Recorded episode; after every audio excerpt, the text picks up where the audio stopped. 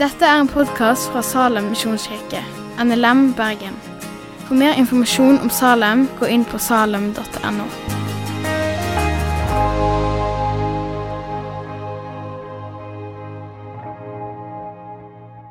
God eh, søndag. God palmesøndag. Da var det blitt palmesøndag, og det veldig snart påske. Noen har kanskje allerede tatt påskeferie. Men i dag eh, så skal vi gå tilbake til søndagens tekst. Og teksten i dag den står i Johannes kapittel 12. Men før vi leser den, så kan vi se litt på hva som skjedde før denne teksten. Eh, og det er at Jesus har vekka Lasarus opp fra de døde. Lasarus bodde i Betania, og det ligger rett ved siden av Jerusalem. Så de vandra ned, og så gjorde han dette underet. Og siden det snart var påske, så har de blitt i området en liten stund.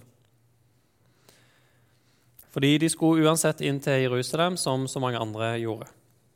Og ypperste prestene og fariseerne de hadde sett dette underet. De begynte å legge planer om å drepe Jesus, og de hadde òg planer om å drepe Lasarus, for nå var jo han blitt et problem.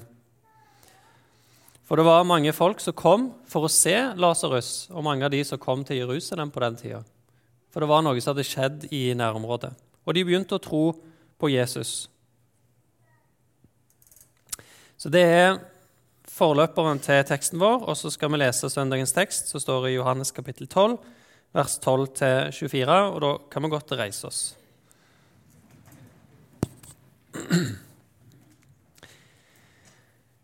Dagen etter fikk den store folkemengden som var kommet til høytiden, høre at Jesus var på vei til Jerusalem.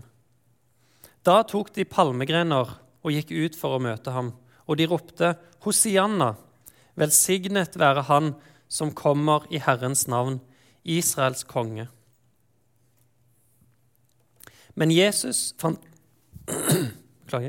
Men Jesus fant et ungt esel og satte seg på det som det står skrevet. Frykt ikke, Sions datter. Se, din konge kommer, sittende på en eselfole. Dette skjønte ikke hans disipler fra først av. Men da Jesus var blitt herliggjort, da mintes de at dette var skrevet om ham, og at, han hadde gjort dette, og at de hadde gjort dette for ham. Folkeskaren som hadde vært med ham da han kalte Lasarus ut av graven og oppvakte ham fra de døde, vitnet om det. Dette var også grunnen til at folket gikk ham i møte, fordi de hadde hørt at han hadde gjort dette tegnet. Fariseerne sa da seg imellom, dere ser at dere ikke oppnår noe. Se, all verden løper etter ham. Blant dem som pleide å dra opp for å tilbe under høytiden, var det noen grekere. Disse kom da til Philip, som var fra Betsaida i Galilea, og ba ham og sa, Herre, vi vil gjerne se Jesus. Philip kommer og sier det til Andreas. Andreas og Philip går og sier det til Jesus. Men Jesus svarer dem og sier, Timen er kommet da menneskesønnen skal bli herliggjort. Sannelig, sannelig, sier jeg dere, hvis ikke hvetekornet faller i jorden og dør, blir det bare det ene kornet. Men hvis det dør, bærer det mye frukt. Hellige Far, hellig oss i sannheten. Ditt ord er sannhet. Amen.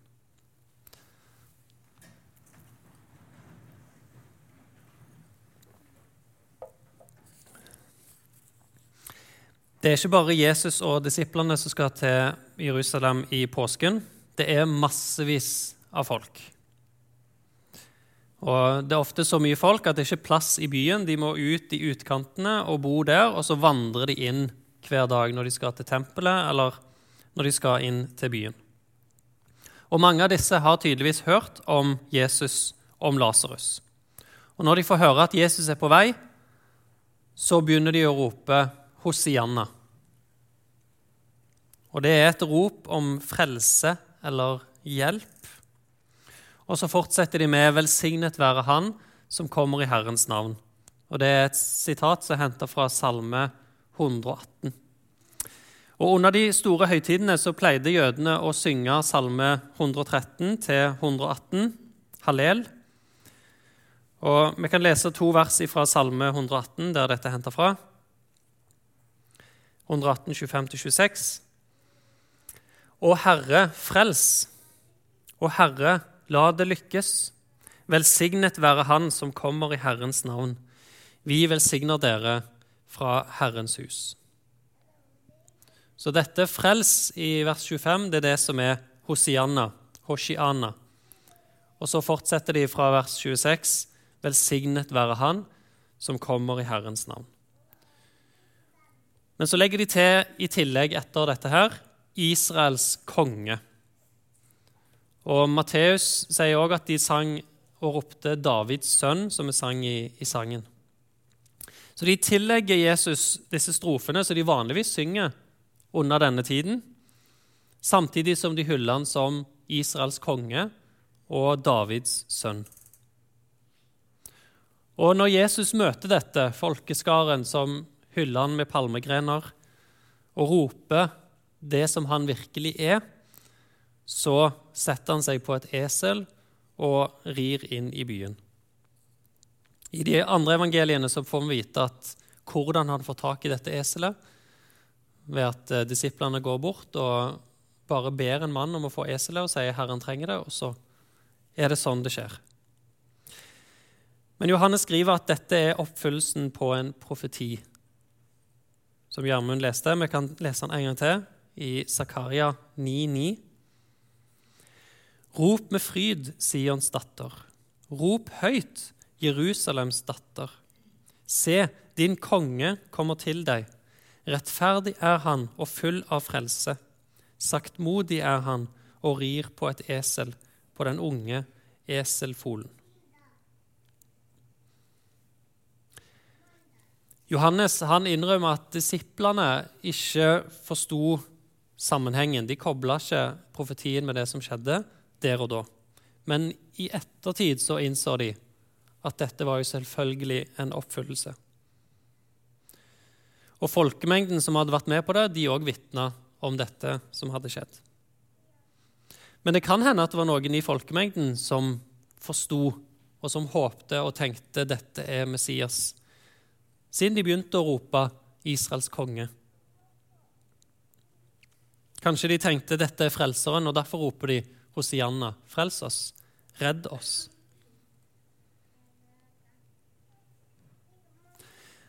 Dette er jo den måten kongene ble ønska velkommen og hylla når de hadde vært i krig og kom seirende hjem. Så kom de med hæren ridende inn i byen og ble prist og æra av folket. Men da rei de ofte på en hest med en stor herskare bak seg.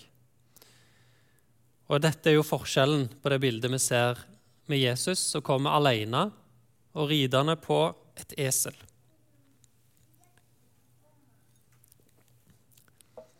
Men det er ikke fordi Jesus ikke har en hest, eller fordi han ikke har en hær. Det er ikke fordi han mangler disse tingene at han kommer ridende på et esel. Jesus kunne kommet som en triumferende konge med hærskaren sin og vist makten sin. Men Jesus han viser sin styrke gjennom svakhet. Og Vi kan godt lese en kontrast til dette i Johannes' åpenbaring eh, fra kapittel 19. Og jeg så himmelen åpnet, og se, en hvit hest. Og han som sitter på den, heter trofast og sannferdig. Og han dømmer og strider med rettferdighet. Hans øyne er som ildslue på hans hode er det mange kroner. Han har en innskrift med et navn som ingen kjenner uten ham selv. Han har iført en kledning som er dyppet i blod, og hans navn er Guds ord. Hærene i himmelen fulgte ham på hvite hester, kledd i fint lin, hvitt og rent. Ut av hans munn går det et skarpt sverd, for at han med det skal slå hedningfolkene. Og han skal styre dem med jernstav. Han tråkker vinpressen med Guds, den allmektiges, strenge vredes vin. På sin kledning og på sin hofte har han et navn skrevet. kongers konge og herrers herre. Dette er han som sitter på eselet. Han er ikke bare konge, men han er kongers konge. Han har all makt i himmel og på jord, og han kunne kommet med jernstaven og slått disse som ikke ville akseptere han. Men han kommer, som Zakaria skriver, rettferdig og full av frelse, saktmodig, ridende på et esel. Inntoget hans står i stil med den oppgaven han skal gjøre. Han skal fremdeles seire. Han skal være seiersherren, men ikke ved å ta livet av noen andre, men ved å gi sitt eget liv for oss.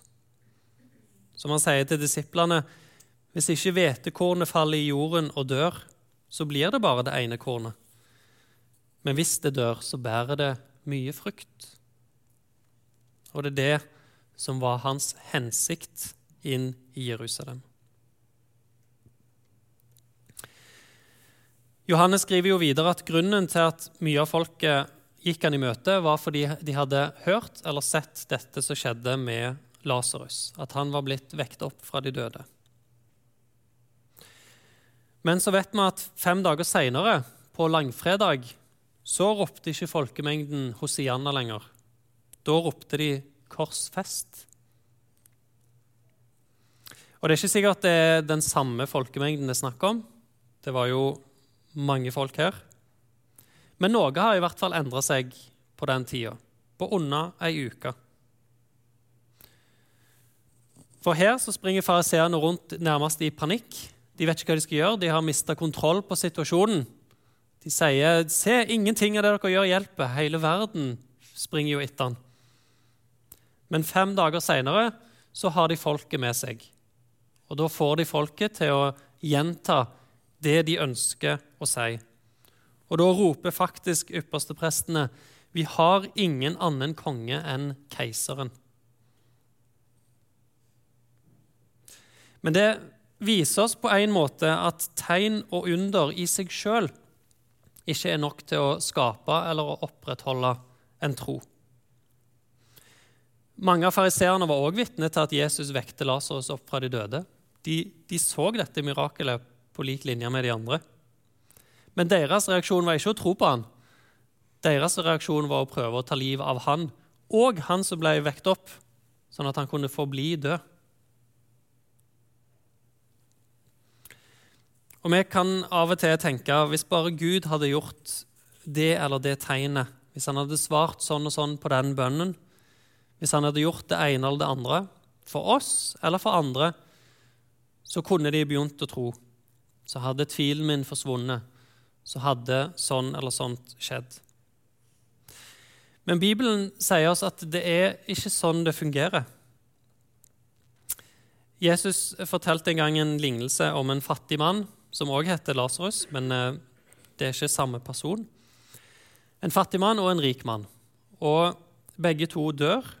Den fattige mannen dør og havner hos Abraham. Og den rike mannen dør og havner i dødsriket og er i pine. Og Da sier den rike mannen til Abraham Vi kan godt lese den eh, samtalen fra Lukas 16. Da sa han, så ber jeg deg, far, at du må sende ham, altså Lasarus, han som òg er død, til min fars hus. For jeg har fem brødre, for at han kan vitne for dem, så ikke også de skal komme til dette pinens sted.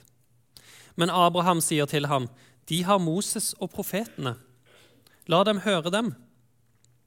Men han sa, Nei, far Abraham, men kommer det noen til dem fra de døde, da vil de omvende seg.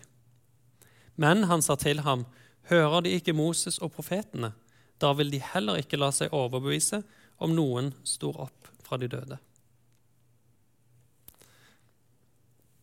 Denne lignelsen er jo nærmest profetisk om det som skal skje både med Lasarus, men også med Jesus. Men det er òg en sannhet som gjelder generelt. Og Det er sikkert flere her som har opplevd tegn og under og mirakler. Det har jeg òg. Og det kan være trosstyrkende.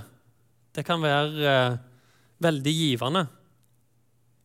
Kanskje litt på samme måte som å være på et kristent stevne, der du virkelig føler Guds nærvær.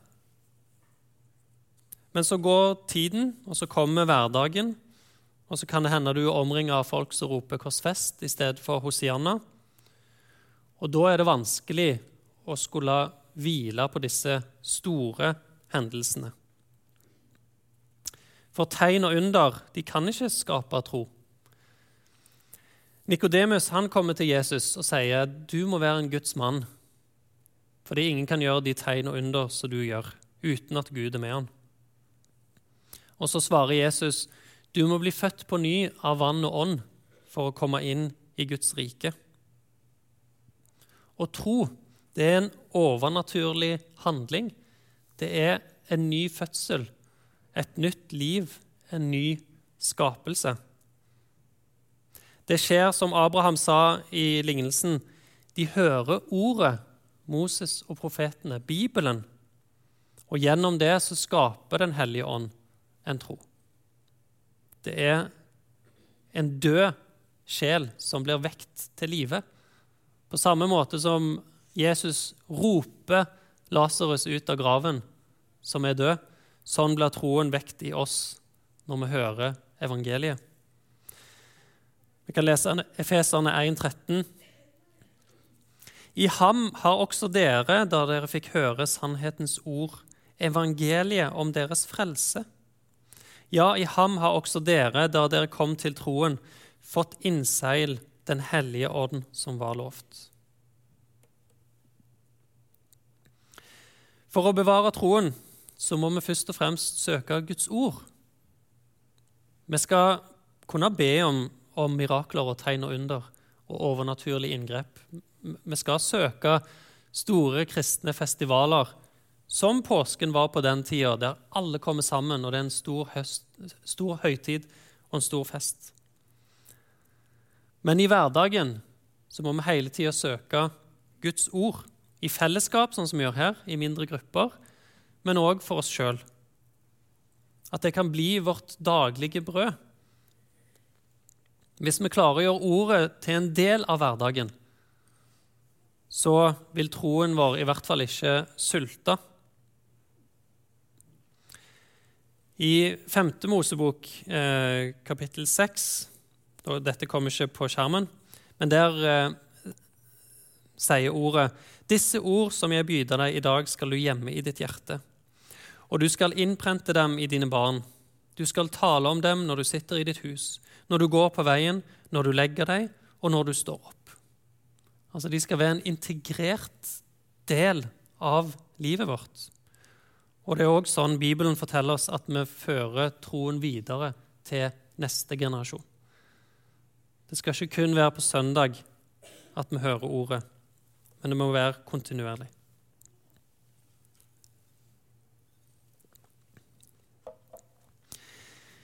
På slutten av teksten vår så nevner Johannes at det var noen grekere som ville se Jesus.